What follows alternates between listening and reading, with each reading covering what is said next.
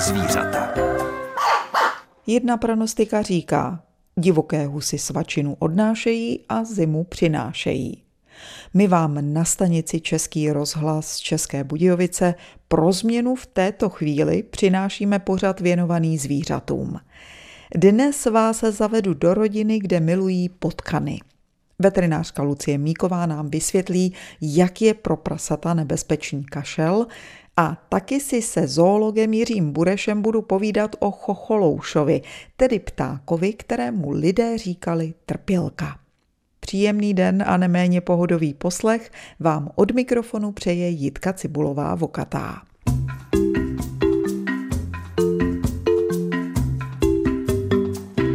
Není potkan jako potkan. Touto větou uvádím následující reportáž s chovatelkou několika potkanů záměrně. Většina lidí si totiž při vyslovení jména tohoto hlodavce představí špinavé zvíře lezoucí v kanálu, které přenáší nemoci nebo jako laboratorní zvíře. Další možností je taky potrava pro hady. I to může být pravda. Ale potkan už v mnoha rodinách dokázal, že umí být inteligentním mazlíčkem. Právě takový potkani jsou součástí rodiny Barbory Weber Chalupníkové z Českých Budějovic. Teď se za ní můžete společně se mnou vypravit. Tak pojď tak tady tohle to je jedna samička naše. Máme celkem čtyři, měly by to být sourozenci, ty jsou takový bojácný tyhle. Ty. Nejvíc ochočená je taková ta jedna, ta bílá, to je vysloveně miláček, ta za piškoty udělá cokoliv. No, jinak jako jsou zvyklí na děti. Mají jména? Jména nemají, protože moje děti jim říkají kožišci. Jsou to všichni čtyři kožišci jsou strašně klidní. Mě překvapili, jak nikde moc nelezou, spíš se drží pohromadě, jako kdyby se chtěli zahřívat. Oni jsou takový, už od malinka vlastně vyrůstali spolu, takže oni jsou na sebe zvyklí. Údajně to mají být teda jakoby mláďata z jednoho vrhu. Takže vlastně i ve Zemremexu, když jsme si je brali, tak apelovali na nás, že by chtěli, aby aspoň ty dvě myši vždycky byly k sobě. Takže jako nakonec jsem řekla teda tak místo dvou, tak mi rovnou dejte všechny čtyři, takže oni jsou jako sourozenci a jsou na sebe hodně zvyklí i fixovaní. Jsou i bojácní, tam je jejich domeček a tam prostě vám nikdo nehrabte, ale když se jako vyndáte, neutečou, hned hledají důvod, hned jak zpátky do domečku. Děti to mají rozdělené, každý chtěl svého. Ano, každý chtěl svého, protože oni si potom všechny vyndají, všichni si je rozeberou a mají je v posteli a mají je všude možně, mají je v pokojku, různé překážky jim dělají, aby někde chodili a tohle. Takže každý má svýho kožich. Šestiletá Laurinka s pomocí maminky vyndala jednoho potkana z klece. Tak takhle mu stavíme různě domečky z kostek. Máme takový veliký. Neuteče, Laury? On bude tady. Na stole.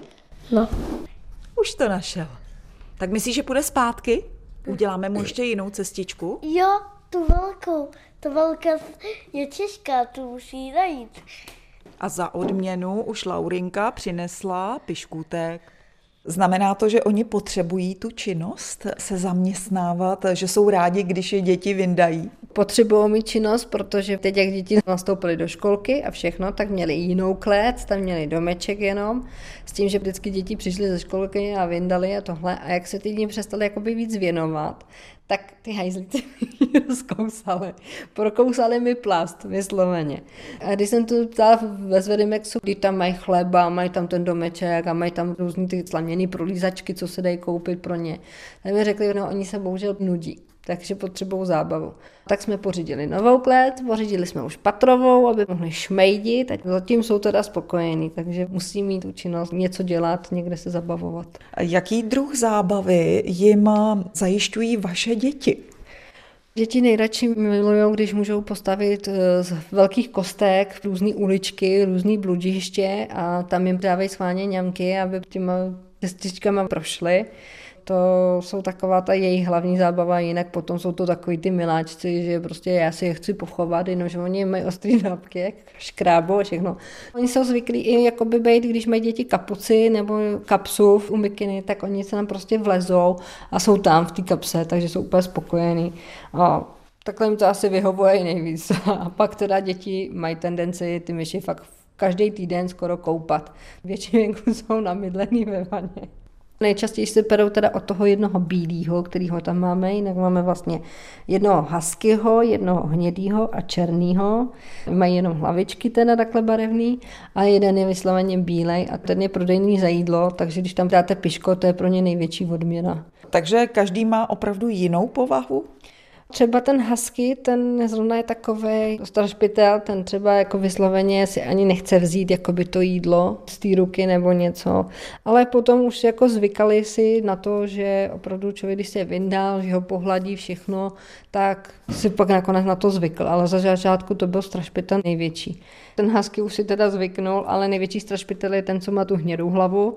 Ten si nechce nic vzít od nikoho, pokud se mu to nedá do misky. Jsou sice sourozenci, ale ta podoba tam úplně není. No, nevím proč, ale prostě každá je jiná.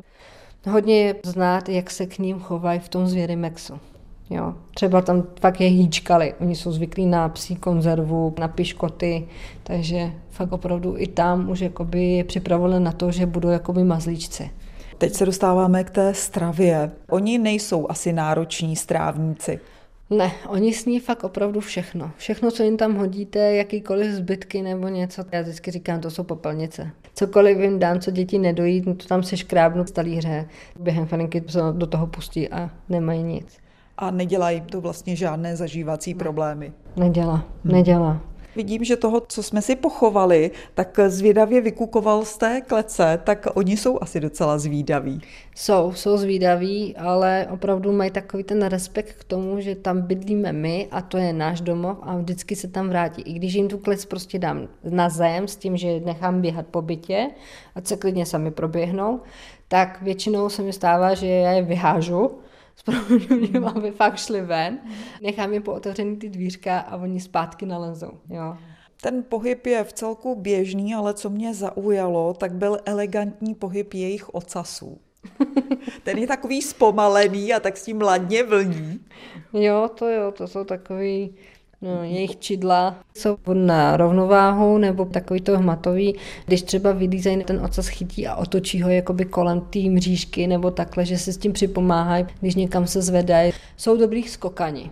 To by opravdu nikdo nevěřil, kolik potkan dokáže vyskočit. Dobrýho půl metru vyskočí. To mě až překvapilo.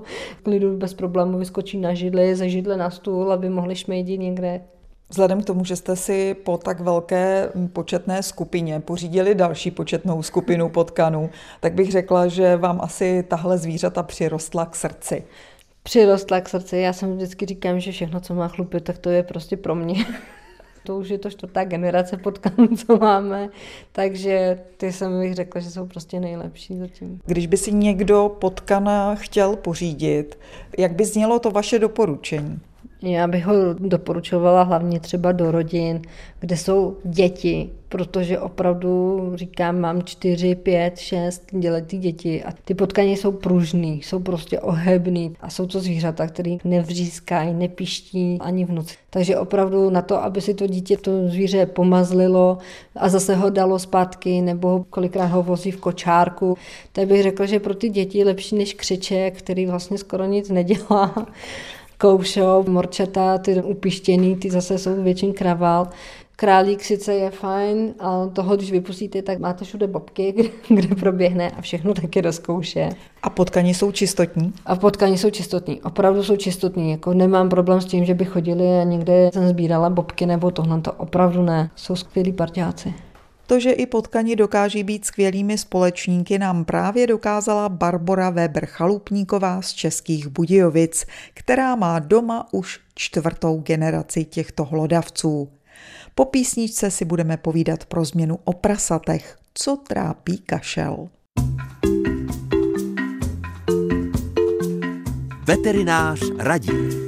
K nejčastějšímu onemocnění prasat, jehož příznakem je především kašel, patří enzootická pneumonie.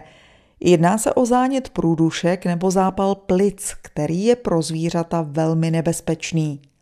O dalších příznacích i léčbě nám dnes víc řekne veterinářka Lucie Míková z veterinární kliniky Vltava v Českých Budějovicích. Je způsoben několika typami bakterií, po případě virů. Nejčastěji jsou to mykoplazma, bordetely, pasterely nebo jiné běžné bakterie, které v podstatě, když to přirovnáme dětské školce, tak stejně ta v odchovnách salat se prostě mezi prasatama velmi šíří. Běžně jsou k dispozici krmné směsi, které třeba obsahují antibiotika, po případě chovatel již sám ví, že si má ty prasata přelečit antibiotiky. Podávají se buď ve formě roztoků, anebo ve formě prášku, který se zamíchává do krmení po dobu 5 až 10 dnů. Pokud máme drobnochov prasa, kde máme jedno prase pro vlastní potřebu a zjistíme, že prase občas pšíká, po případě pokašlává, někdy ten kašel vypadá až takový jakoby lidský kašel. Prase může mít zvýšenou teplotu, takových 39,5 až 40 stupně, může mít třeba i výtok nějaký z nosu nebo sípání, chrčení, tak tam potom se samozřejmě dají dávat antibiotika do svalu, kde se píchá do oblasti toho krku, do horní části krku a antibiotika se opakují buď to každý den nebo obden podle toho, jaký typ zvolíme. Většinou se to ty silata přiváží sebou již do toho drobnochovu nebo po případu v těch velkých chovech, takže existují vakcíny, kterými se to prase dá předem navakcinovat,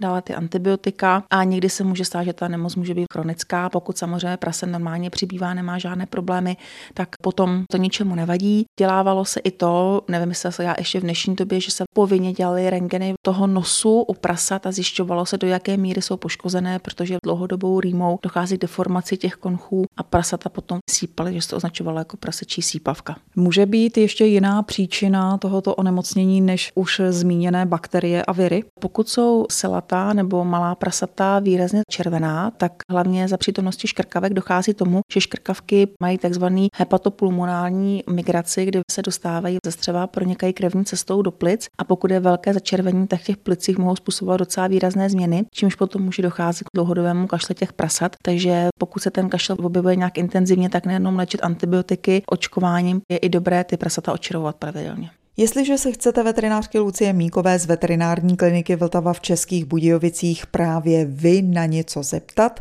nemusíte za ní přímo do ordinace, ale můžete to udělat v našem vysílání. Za týden totiž navštíví Českobudějovické studio Českého rozhlasu a bude hostem veterinární poradny pořadu Máme rádi zvířata.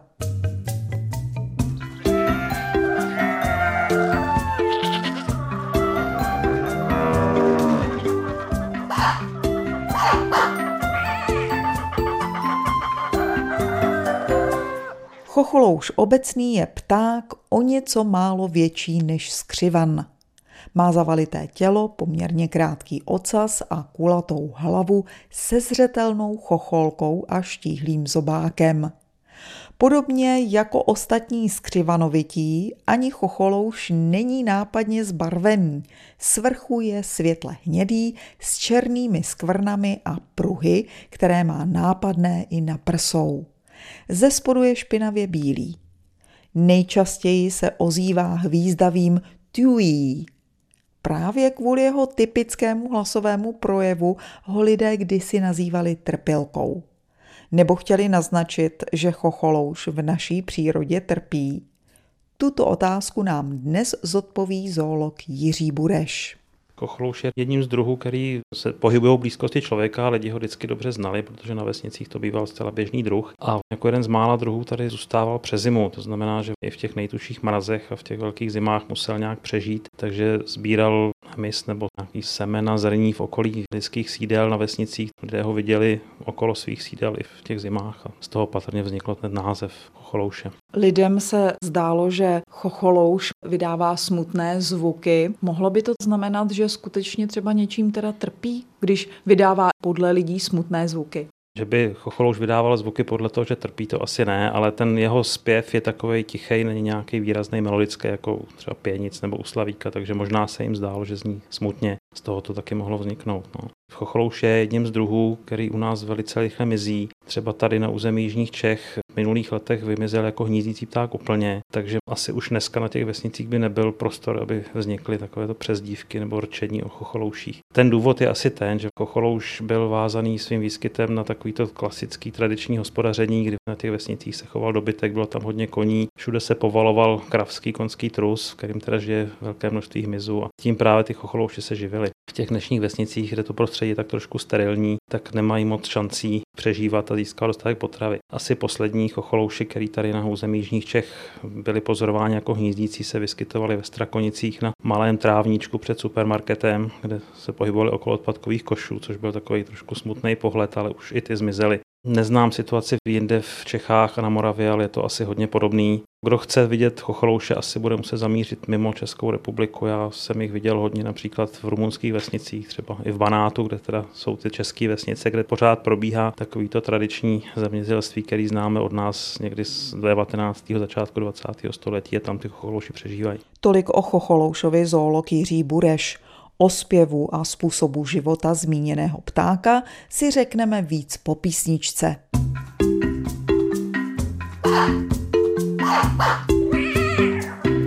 Jedním ze zvířat, o kterém si dnes povídáme, je chocholouš obecný. Zoolog Jiří Bureš zmínil, že se tento pták ozývá tiše – z knihy Ptáci jižních Čech jsem se ještě dozvěděla, že chocholouš zpívá ze země, vyvýšených míst i za letů v širokých obloucích nad hnízdištěm. Tento pěvec je i dobrým ptačím imitátorem, protože dokáže napodobit jiné hlasy ptáků a zpěv. Chocholouše je obtížné pro jeho vzácnost vidět – Kdyby se vám to poštěstilo, tak ho poznáte podle špičaté chocholky, podle které dostal i jméno. Když ji složí, výrazně přesahuje temeno jeho hlavy. Silnější zobák má mírně zahnutý. Je o něco větší než vrabec. Za letu má zašpičatělá křídla a kratší ocas. Chocholouš se nejčastěji pohybuje drobnými krůčky po zemi, kde hledá potravu – Občas chytá pomalu a nízko letící hmyz. Sedá si i na kameny a další předměty nízko nad zemí. Vyskytuje se jednotlivě nebo ve dvojicích. Páry jsou podle ornitologů zřejmě trvalé a tvoří se už na podzim z mladých ptáků. Zatímco na vejcích sedí samička sama, na krmení se podílí oba rodiče. Za studeného počasí mláďata upadnou do stavu strnulosti a to je potom rodiče nekrmí. Asi po devíti dnech už ptáčata opouštějí hnízdo. Po 14 až 16 dnech už létají. Po vyhnízdění se obvykle zdržují ve městech. Doufám, že vás ve dnech následujících nebude nic a nikdo trápit a naopak, že se k vám se slunečným babím létem dostaví i dobrá nálada a vitalita. Co jsem vám chtěla v dnešní zvířecí půlhodince stělit, už bylo vyřčeno.